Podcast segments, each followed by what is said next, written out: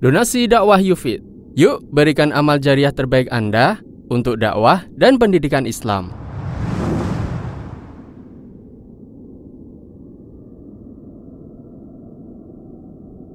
Bismillahirrahmanirrahim.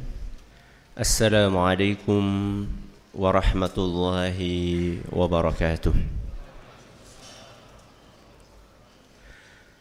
Alhamdulillahi rabbil alamin.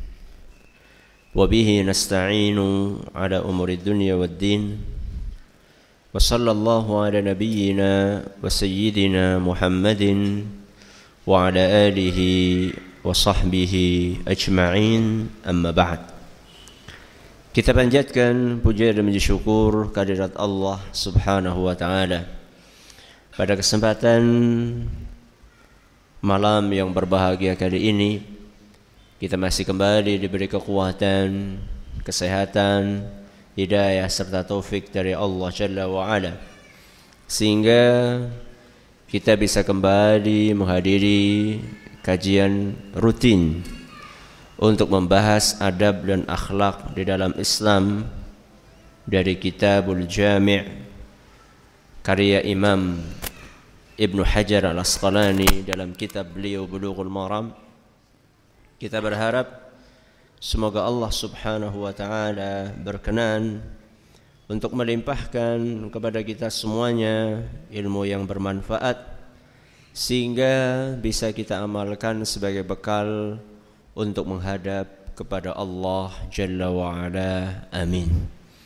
Salam dan salam semoga senantiasa tercurahkan kepada junjungan kita Nabi besar Muhammad sallallahu alaihi wasallam kepada keluarganya, sahabatnya, dan umatnya yang setia mengikuti tuntunannya hingga di akhir nanti. Para hadirin dan hadirat sekalian yang kami hormati dan juga segenap pendengar Radio Insani 88.8 FM Purwokerto, Purbalingga, Banyumas, Cilacap, Wonosobo, Kebumen dan sekitarnya serta para pemirsa Yufi TV yang mudah-mudahan senantiasa dirahmati oleh Allah Azza wa Jalla hadis yang terakhir kita bahas hadis nomor berapa? 21. Alhamdulillah masih ingat nomornya. Isinya apa? Isinya tentang mencintai tetangga atau orang lain seperti mencintai diri sendiri. Alhamdulillah kita telah menyelesaikan hadis yang ke-21 pada pertemuan terakhir kita dua bulan yang lalu. Malam hari ini kita akan mengawali pembahasan tentang hadis berikutnya yaitu hadis nomor berapa? 22 yaitu hadis yang berbunyi وعن ابن مسعود رضي الله عنه قال dari seorang sahabat Rasul sallallahu alaihi wasallam yang biasa disebut dengan Ibnu Mas'ud. Siapa? Ibnu Mas'ud. Semoga Allah meridhai beliau. Beliau berkata, "Sa'altu Rasulullah sallallahu alaihi wasallam. Pada suatu hari aku bertanya kepada Rasulullah sallallahu alaihi wasallam. Apa isi pertanyaannya? Ayyudz dzambi a'zam? Wahai Rasul, dosa apakah yang paling besar? Apa pertanyaannya? Dosa apakah yang paling besar? Qala Nabi sallallahu alaihi wasallam menjawab an taj'ala lillahi niddan wa huwa khalaqaka Dosa yang terbesar adalah ketika engkau mensekutukan Allah padahal Allah lah yang telah menciptakanmu. Alias dosa nopo? Dosa syirik. Qultu thumma ayyun Ibnu Mas'ud bertanya lagi, terus apa lagi wahai Rasul? Apalagi apanya? Dosa besar yang lainnya apalagi?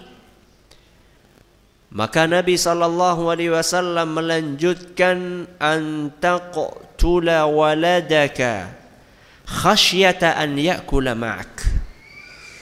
Dosa besar berikutnya adalah engkau bunuh anakmu semata-mata karena engkau khawatir dia ikut makan bersamamu. Ngentong-ngentong akan sega. Ya.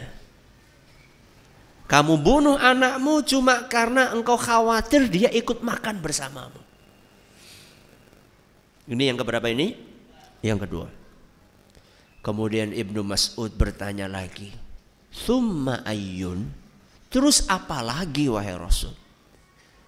Beliau wasallam menjawab antuzaniya halilata jarik. Dosa besar berikutnya adalah engkau berzina dengan istri tetanggamu. Apa? Berzina dengan istri tetanggamu. Kalau berzina bukan dengan istri tetangga bagaimana? Boleh? Boleh atau tidak? Ya tidak boleh.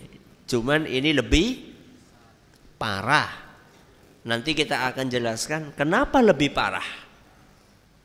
Berzina dengan istri tetangga dibandingkan berzina dengan wanita lain yang bukan istri tetangga. Kenapa kok lebih parah berzina dengan istri tetangga? Pada saatnya kita akan jelaskan insya Allah. Muttafaqun alaih hadis riwayat Bukhari dan Muslim. Hadis ini diriwayatkan oleh sahabat Rasul siapa tadi? Ibnu Mas'ud. Ibnu Mas'ud ini nama aslinya siapa? Abdullah. Ibnu itu kan artinya anak. Ibnu Mas'ud berarti anak e Mas'ud. Anak Mas'ud ini namanya siapa? Namanya adalah Abdullah. Banyak sahabat Rasul yang namanya Abdullah. Contohnya siapa? Ibnu Mas'ud. siapa lagi? Ibnu Umar. Siapa lagi? Ibnu Abbas. Ada lagi? Katanya banyak tadi. Dan lain-lain. Abu Bakar As-Siddiq. Siapa? Abu Bakar As-Siddiq. Namanya Abdullah bin Abi Kuhafah. Ya. Dan banyak sahabat yang lainnya yang namanya Abdullah. Salah satunya adalah Ibnu Mas'ud. Biografinya tidak akan kita sampaikan karena pernah kita sampaikan. Yaitu saat kita menjabarkan hadis yang keempat. Berarti sudah lama ya. Silahkan di Eh, dengarkan kembali rekamannya hadis yang keempat ketika kita menyampaikan tentang larangan bisik-bisik. Larangan bisik-bisik. Hadis ini hadis nomor 22 ini berisikan dialog. Berisikan tanya jawab. Antara siapa dengan siapa? antara Nabi SAW dengan salah satu sahabatnya yaitu Ibnu Mas'ud. Beginilah salah satu cara Nabi SAW untuk mentransfer ilmu agama. Di antara cara Nabi SAW untuk mentransfer ilmu agama adalah dengan diskusi, dengan dialog, dengan tanya jawab.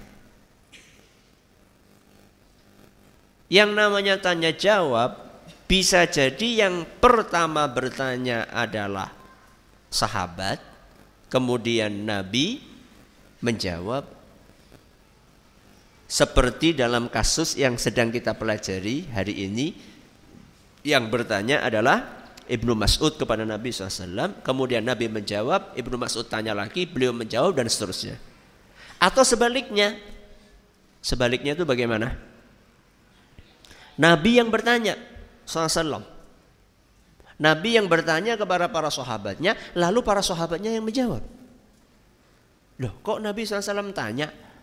Bukannya seharusnya Nabi yang ditanya, kok Nabi yang bertanya?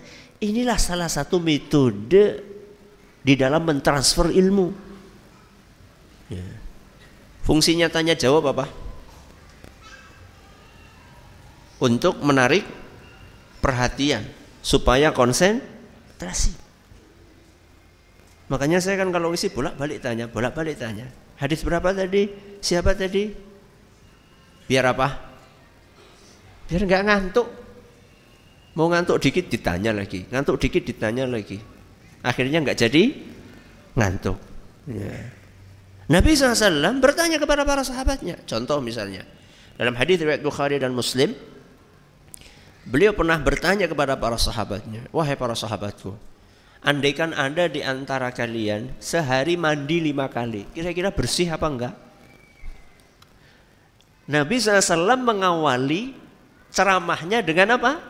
Tanya, gimana kalau ada orang mandi sehari lima kali, bersih enggak? Apa jawabannya? Ya bersih banget, bukan bersih lagi. Setelah dijawab seperti itu, baru Nabi SAW mengatakan, "Fadzalika mathalus salawatil khams." Itulah perumpamaan solat lima waktu. Nabi SAW mengumpamakan solat lima waktu dengan apa tadi? Mandi lima kali. Apa kotoran yang akan dibersihkan dengan solat?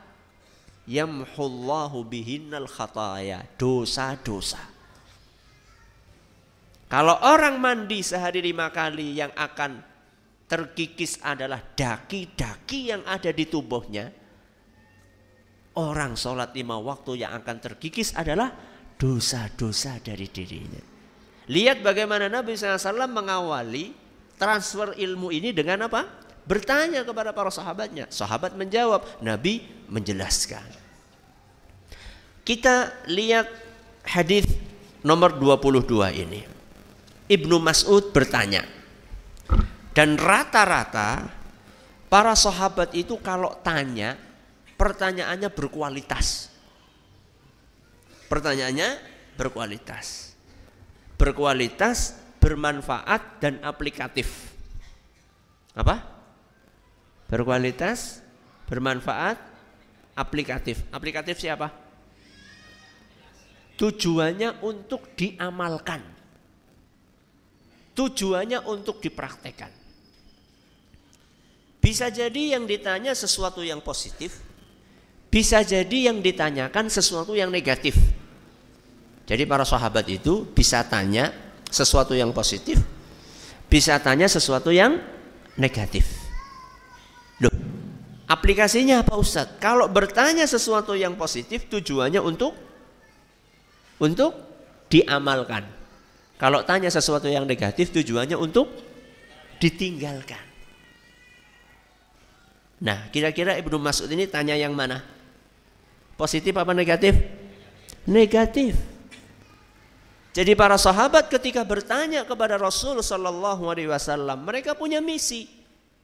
Kalau mereka menanyakan misalnya sesuatu yang positif, ya Rasulullah, ayyul amali afdal. Wahai Rasul, amalan apa sih yang paling mulia?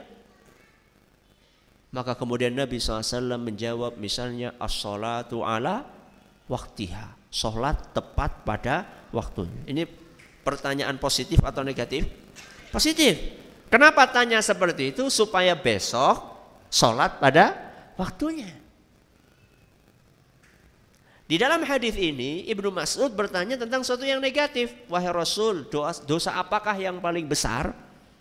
Setelah Nabi SAW menjawab, apa aplikasinya? Besok-besok berusaha untuk menghindari dosa tersebut. Inilah tujuan pertanyaan. Jangan seperti sebagian orang di zaman ini tanya bukan untuk diaplikasikan. Apa ada Ustaz? Ada. Ustaz, ki hukumnya apa? Wajib apa sunnah? Hukumnya wajib apa sunnah? Begitu dijawab apa? Sunnah kepriwe? Alhamdulillah. Kur sunaike. Loh, Anda ini tanya tujuannya apa? Ya. Tapi boleh nggak tanya itu? Boleh. Tapi apa misinya? Orang bertanya itu kan ada misi. Kalau misalnya misinya adalah untuk meninggalkan amalan tersebut, ya, maka ini bukan misi yang dicontohkan oleh para sahabat Rasul SAW. Ini sesuatu yang positif. Yang negatif misalnya, Ustadz ini hukumnya sebenarnya haram apa makruh? Begitu jawabnya, makruh. Alhamdulillah, makruh iki, ora apa-apa. Ya. Para sahabat Rasul SAW ketika bertanya kepada Nabi SAW bukan seperti itu misinya. Tanya positif untuk di apa tadi? Diamalkan. Tanya negatif untuk ditinggalkan. Apa pertanyaan Ibnu Mas'ud? Beliau bertanya, "Ya Rasulullah, ayyudzambi a'zam?" Wahai Rasul, dosa apa sih yang paling besar? Dosa itu banyak atau tidak? Jenisnya banyak atau tidak? Banyak. Yeah. Ada yang besar, ada yang kecil, ada yang sedang, ada yang paling besar. Yeah. Ibnu Mas'ud bertanya kepada Rasul SAW tentang dosa bukan sembarang dosa. Tapi yang beliau tanyakan adalah dosa yang paling besar. Yang jadi pertanyaan, kenapa kok beliau menanyakan dosa yang paling besar? Karena dosa yang besar atau yang paling besar, dampak buruknya lebih besar, lebih parah daripada dosa yang levelnya di bawah itu. Di dunia maupun di akhirat. Contoh misalnya dosa paling besar syirik misalnya. Syirik. Dampak buruknya apa? Dilakukan sekali, maka pahala seluruh amal soleh yang pernah dilakukan oleh hamba tersebut akan musnah. 60 tahun sholat 60 tahun puasa Di usia 61 tahun dia berbuat syirik. Maka sholat dia selama 60 tahun. Puasa dia selama 60 tahun. Pahalanya semuanya akan musnah. Kalau sudah musnah, kemudian mati dalam keadaan dia belum sempat taubat, bagaimana nasibnya di akhirat? khalidina fiha abada. Dia akan masuk ke dalamnya. Nya itu ke mana? Ke neraka. Kekal selama-lamanya. Kalau dosa yang levelnya di bawah syirik. Memang betul dosa tersebut akan membuat pelakunya terancam masuk neraka betul. Tapi seandainya dia masuk neraka, dia tidak akan menjadi penghuni yang kekal. Alias masih ada harapan untuk keluar. Apa ada Ustadz orang masuk neraka keluar lagi? Ada? Ada. Itulah syafaat. Itulah syafaat.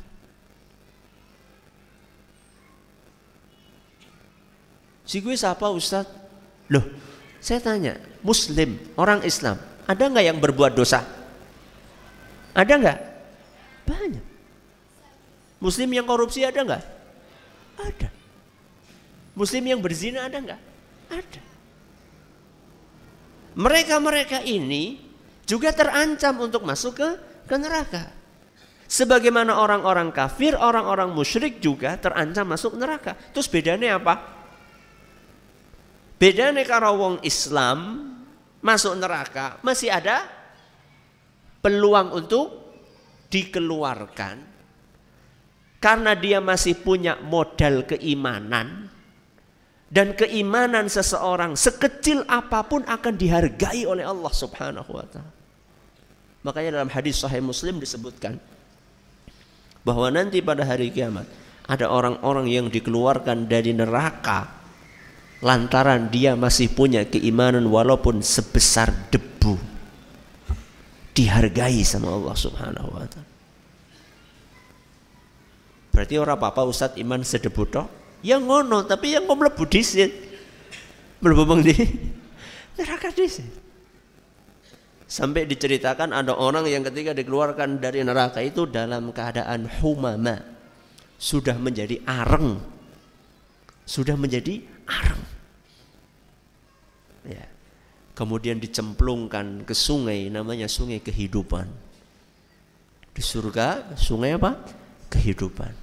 Lalu tubuh yang sudah jadi arang itu secara bertahap kembali seperti semula digambarkan di dalam hadis seperti tumbuhnya benih ketika terkena air sedikit sedikit sedikit sedikit sedikit sampai pulih kembali masuk ke dalam surga. Itu kalau dosa yang dikerjakan dosa yang levelnya di bawah nopo syirik. Tapi kalau dosa syirik the end apa the end? Tamat.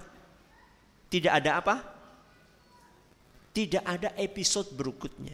Tidak ada lanjutan. Neraka, neraka penghuni asli pakai huruf. Iya. Maksudnya apa penghuni asli? Orang bakal metu. Makanya Ibnu Mas'ud ketika bertanya dengan pertanyaan dosa apakah yang paling besar? Karena beliau tahu bahwa dosa yang paling besar ini efek buruknya jauh lebih berat daripada dosa-dosa yang lainnya. Nabi SAW menjawab ketika Ibnu Mas'ud bertanya dengan pertanyaan tersebut Nabi menjawab antaj'ala lillahi nidda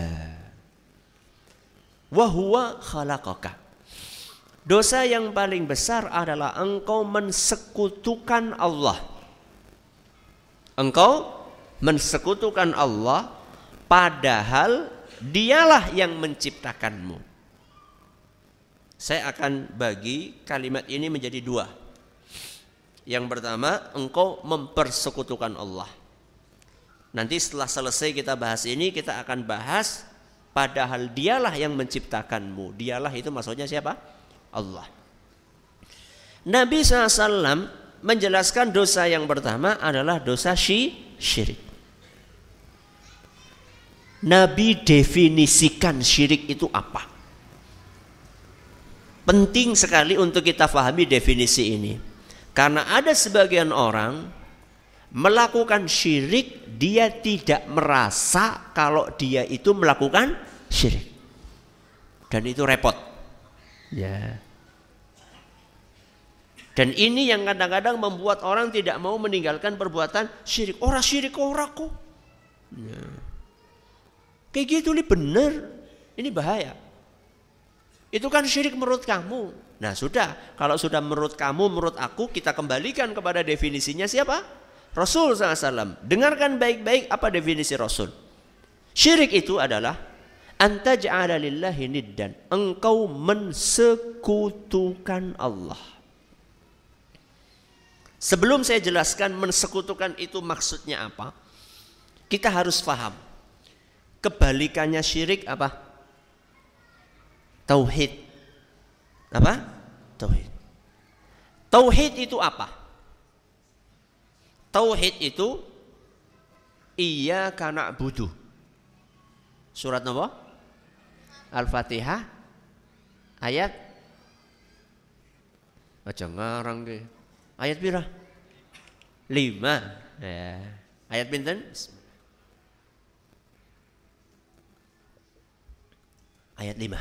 Iya karena bodoh. Apa artinya iya karena bodoh? Hanya kepadamu kami beribadah. Itulah tauhid.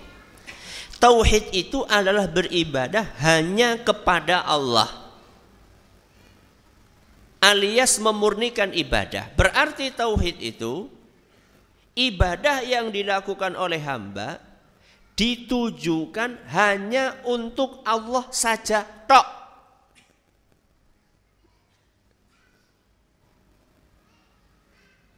Kalau ada seratus ibadah yang dilakukan oleh hamba, maka seratus seratusnya itu semuanya untuk Allah. Itulah tauhid. Kebalikannya tauhid napa wau? Syirik. Berarti syirik apa? Ibadah yang dilakukan sebagian ditujukan kepada selain Allah. Itulah mensekutukan Allah. Kalau orang yang bertauhid 100 ibadah semuanya ditujukan murni hanya kepada siapa? Allah. Kalau orang yang berbuat syirik 100 ibadah yang buat Allah berapa? Seket. Sing seket? Dia persembahkan untuk selain Allah. Berarti 50-50 Ustaz? Ya. Terus kalau misalnya dari 100 ibadah itu 99 untuk Allah. Satu saja untuk selain Allah. Syirik apa orang? Syirik. Tauhid itu adalah iyyaka na'budu. Kami beribadah hanya kepadamu. Hanya berarti tidak ada campurannya. Memurnikan. Emas murni. Gue kan murni temenan. Orang anak apa nih? Campurane nek anak campuran gue jadi murni KW ya. murni campuran berarti bukan murni beneran. Ya. yang namanya syirik itu bukan kok Seratus-seratus ibadahnya semuanya untuk selain Allah. Yaitu syirik parah banget gitu loh. Syirik itu adalah ketika seseorang menduakan. Apa? Menduakan. Boleh nggak Pak menduakan Pak? Mendua boleh nggak? Tergantung. Tergantung kepriwe maksudnya. Mendua boleh nggak Pak? Ibu-ibu mendua boleh nggak Bu? Nggak boleh ya Bu ya. Mendua itu ada yang boleh, ada yang tidak. Mendua yang boleh itu adalah poligami yang sesuai dengan aturan ya aja asal poligami poligami boy ora adil ya. Itu mendua yang boleh, mendua yang nggak boleh apa? Ini syirik ini. Sebagian ibadahnya dipersembahkan kepada Allah, sebagian yang lain dipersembahkan kepada selain Allah. Dan itulah praktek kaum musyrikin pada zaman Rasul SAW. Saya tanya, kaum musyrikin pada zaman Rasul SAW, mereka sih ngibadah sama Allah atau tidak? Iya. Contohnya apa Ustaz? Haji Tawaf. Masa Abu Jahal tawaf? Iya tawaf. Cuman hajinya itu walaupun mereka persembahkan untuk Allah, cuman di sisi yang lainnya ketika mereka kepepet mintanya kepada selain Allah. Itulah syirik. Sebagian dipersembahkan kepada Allah, sebagian dipersembahkan kepada selain Allah. Berarti mungkin nggak ada orang berbuat syirik dan dia rajin sholat? Mungkin nggak? Mungkin. Sholatnya untuk Allah, tapi giliran tanggal satu surah ngapa? Nyajen nyembelih kebo buat siapa? Nyiroro Kidul. Salat dia salat. Malah muadzin dean. Atau bahkan mungkin imam. Atau makmum. Ya. Akan tetapi begitu giliran datang satu surah ibadah yang bernama kurban. Nyembelih hewan. Itu namanya kur kurban. Dia tidak persembahkan untuk Allah. Padahal kurban itu seharusnya dipersembahkan untuk Allah. Makanya ketika kita menyembelih kita baca apa? Bismillahi Allahu Akbar. Dengan menyebut nama Allah, Allah lah yang maha besar. Alias itu dipersembahkan untuk Allah. Kenapa? Karena kurban adalah ibadah. Inna a'tayna kal kausar. Terus fasalli li rabbika wanhar. Kita harus mensyukuri nikmat Allah. Caranya fasalli li rabbika. Salatlah untuk Allah. Wanhar apa artinya wanhar? Berkurbanlah. Ini dua-duanya ibadah. Karena dua-duanya ibadah, maka dua-duanya harus ditujukan hanya kepada Allah. Maka kalau ada orang sholat untuk Allah, tapi kurbannya untuk selain Allah, maka dia bukan orang yang bertauhid, tapi dia orang yang berbuat syirik. Hajinya untuk Allah, tapi begitu dia kepepet, dia bukan berdoa kepada Allah, tapi pergi ke kuburan, minta kepada orang yang ada di dalam kuburan. Ini tauhid nopo syirik? Syirik. Kenapa Ustadz? Karena doa juga ibadah, sebagaimana haji juga ibadah. Setiap ibadah yang dikerjakan oleh seorang hamba maka seluruhnya harus dipersembahkan hanya untuk Allah saja. Inna salati wa nusuki wa mahyaya wa mamati lillahi rabbil alamin. Salatku, ibadahku, hidupku, matiku itu adalah hanya untuk siapa? Allah Rabb semesta alam. Ini adalah penggalan kalimat yang pertama an taj'ala lillahi niddan. Syirik itu dosa besar yang paling besar adalah engkau mensekutukan Allah. Kemudian Nabi lanjutkan sabdanya wa huwa khalaqaka. Padahal Allah itulah yang menciptakanmu. Nabi SAW sisipi kalimat ini Nabi sisipkan kalimat ini untuk menjelaskan betapa jeleknya perbuatan syirik. Betapa jeleknya perbuatan syirik. Syirik itu tidak beradab kepada Allah. Kenapa tidak beradab kepada Allah? Allah yang ngasih kita makan. Sebelumnya Allah yang menciptakan kita. Setelah kita diciptakan oleh Allah, kita dikasih makan, dikasih minum, dikasih rizki, dikasih kesehatan, dikasih segala sesuatunya. Kok giliran berdoa mintanya bukan kepada Allah? Kok giliran panen malah bersyukurnya kepada siapa? Sinten? Dewi Sri. Itu kan tidak beradab kepada Allah. Yang ngasih padi Allah. Yang menurunkan hujan Allah. Yang mengusir hama Allah. Yang membuat panen sukses Allah. Tahu-tahu begitu panen berhasil. Sekian ton.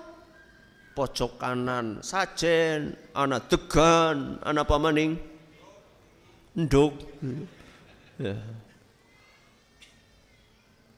Ada receh, ada ini, ada ini. Subhanallah. Ini nggak beradab kepada Allah Subhanahu wa taala. Makanya Allah melebeli perbuatan syirik itu dengan perbuatan zalim. Perbuatan apa? Zalim. Zalim itu kebalikannya kebalikannya apa?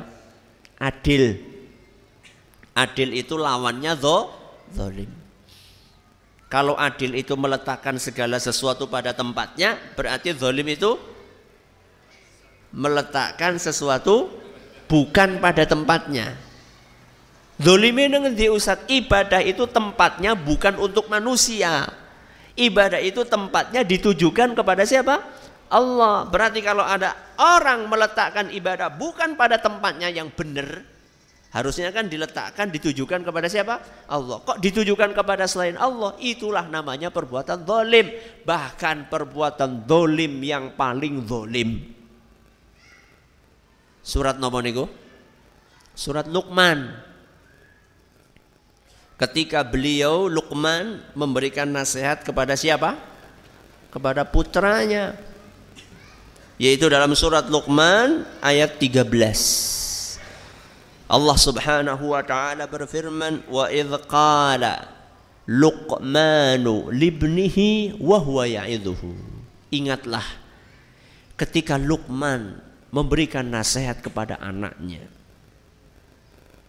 Dengar baik-baik bagaimana orang soleh kasih nasihat kepada anaknya. Bedakan dengan kebanyakan orang tua di zaman ini kasih nasihat kepada anaknya.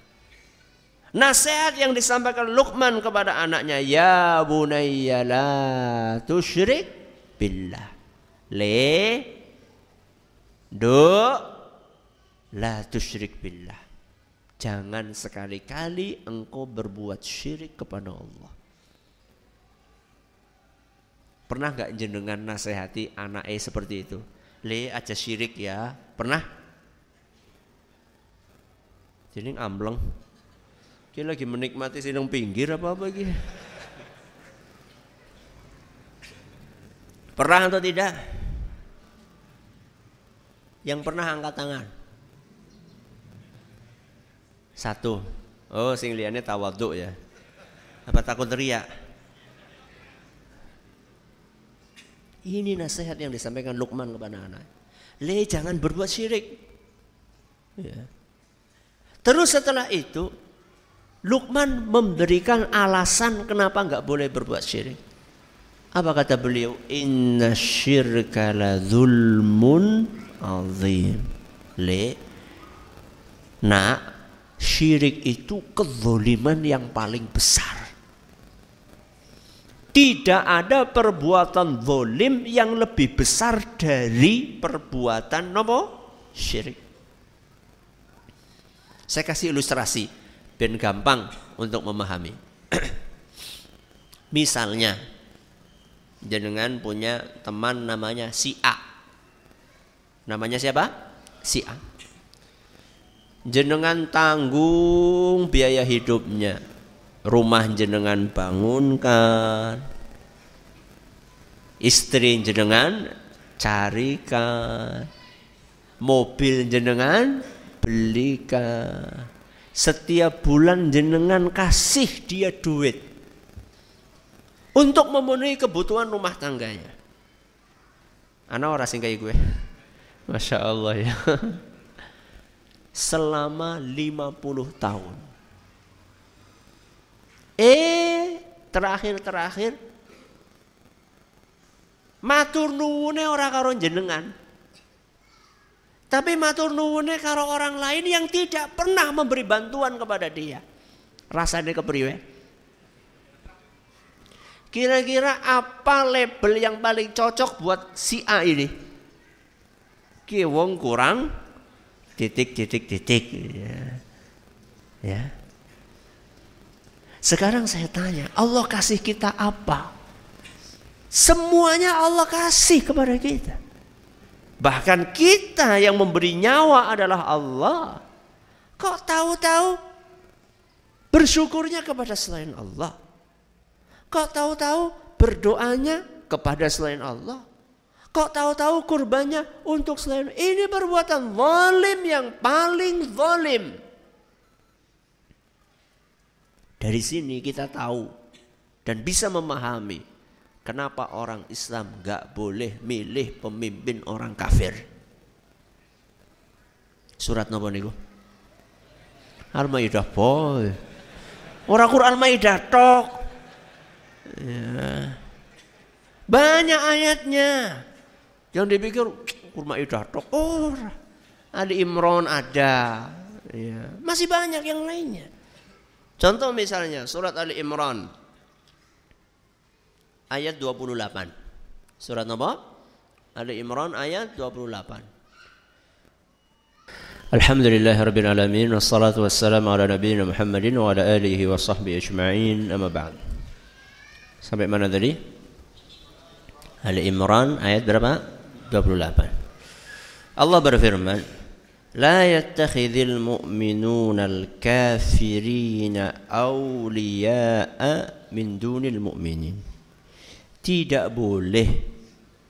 Orang yang beriman menjadikan orang kafir itu sebagai wali. Sebagai wali.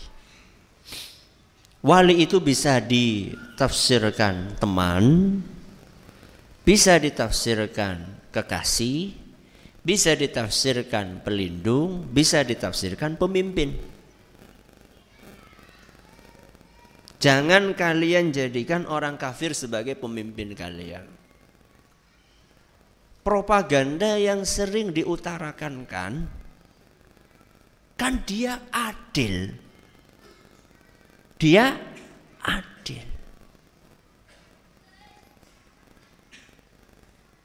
Gak apa-apa, sing penting.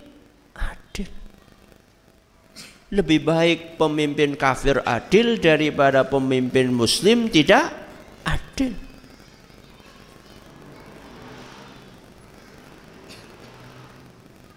Orang tidak sadar kalau dia sedang dibodohi. Pilihannya seakan-akan cuma berapa? Cuma dua.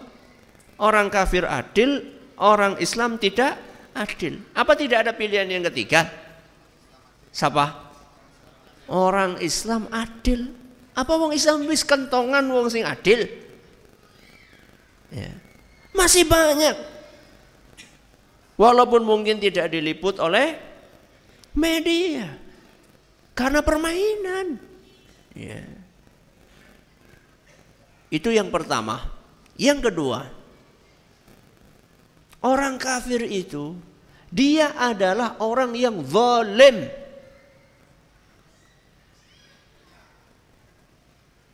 Karena Allah Subhanahu wa taala berfirman inna syirka la zulmun azim. Zalim itu kan kebalikannya apa tadi? Adil.